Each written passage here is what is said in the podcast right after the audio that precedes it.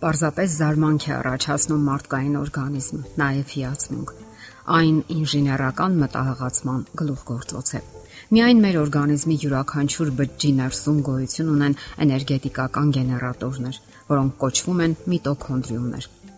Սննդի միջոցով օգտագործվող գլյուկոզայից եւ ճարպերից նրանք արտադրում են ադենոզին տրիֆոսֆորական թթու նյութը, որը էներգիա է մատակարարում օրգանիզմի ներսում տեղի ունեցող հազարավոր քիմիական ռեակցիաների։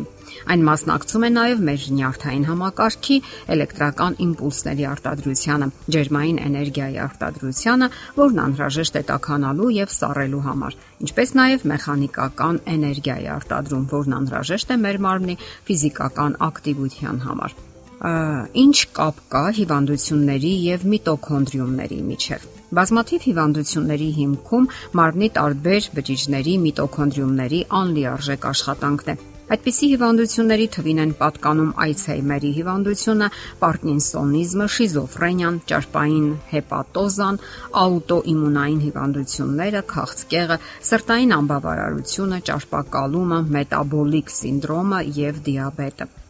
Օրինակ, արյան բարձր ճնշում ունեցող հիվանդների մոտ ավելի հաճախ է նկատվում գլխուղեղի, երիկամների, լյարդի եւ սրտի բջիջների միտոքոնդրիումների ֆունկցիայի անբավարարություն։ Իսկ ահա նորմալ ճնշում ունեցողների մոտ այդպիսի բան չի նկատվում։ Կամ երկրորդ տեսակի դիաբետի ժամանակ կմախքային մկաններում նվազում է միտոքոնդրիումների քանակը։ Երբ այդ միտոքոնդրիումները վնասվում են, թուլանում է բջիջների ընդունակությունը գլյուկոզան տեղափոխելու բջիջներից ներս, ինչը եւ հանգեցնում է արյան մեջ գլյուկոզայի մակարդակի բարձրացման։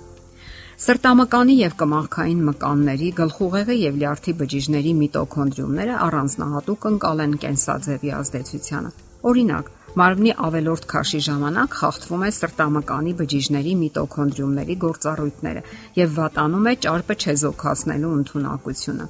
Պարզվել է, որ վատ կենսաձևը նպաստում է միտոքոնդրիումների ներսում գտնվող բունիսկ ԴՆԹ-ն, Այսպես օրինակ, մեծ քանակի ճարպով եւ շաքարով հագեցած սննդակարգը ի վերջո թուլացնում է միտոքոնդրիումների աշխատանքը, կամ մշտապես ալկոհոլ օգտագործելը վնասում է միտոքոնդրիումի ԴՆԹ-ն եւ դրանից բացի խոչընդոտում դրանց վերականգնմանը, խախտելով առանձնահատուկ էնզիմների, ֆերմենտների աշխատանքը։ Օրգանիզմի ջրազրկումը, երբ մարդը քիչ ջուր է օգտագործում, նվազեցնում է միտոքոնդրիումների աշխատանքի արդյունավետությունը գլխուղեղի բջիջներում։ Հարկավոր է նշել, որ որոշ դեղամիջոցներ նույնպես վնասում են կմախքային մկանների բջիջները։ Դրանք այն խմբի դեղամիջոցներն են, որոնք նվազեցնում են խոլեստերինի մակարդակը։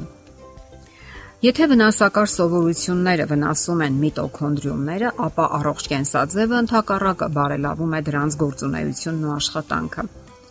Դրանց քանակը անմիջականորեն կապված է ֆիզիկական վարժությունների հետ։ Որքան շատ են էներգիայի այդ գործարանները, այնքան մեզ լավ ենք զգում։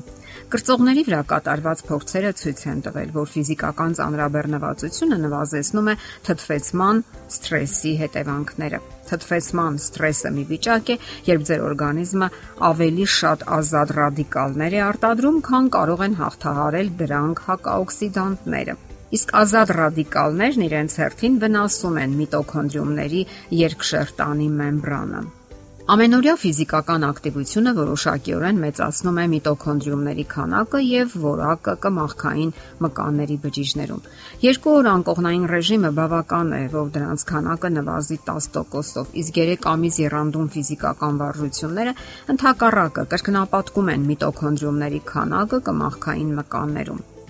Ապացուցվել է նաև, որ ֆիզիկական վարժությունները արևոտ եղանակին ավելի ուժեղ դրական ազդեցություն են ցուցաբերում միտոքոնդրիումների վրա։ Իսկ կալորիաների խելամիտ կրճատումը բարելավում է միտոքոնդրիումների աշխատանքը ճարպային հյուսվածքում եւ ուղեղի բջիջներում։ Այդ կրճատման ժամանակ իհարկե անհրաժեշտ է հաշվի առնել սննդի բազմազանությունը, որտեղ պետք է անպայման լինեն բարդ ածխաջրատներ, ամբողջական հատիկեղեն, մրգեր ու բանջարեղեն, որոնք էներգիայի գլխավոր մատակարարներն են ուղեղի աշխատանքի համար։ Վերենք այլ օրինակներ։ B խմբի վիտամիններով հարուստ սնունդը նպաստում է միտոքոնդրիումների հավասարակշռված եւ սահուն աշխատանքին։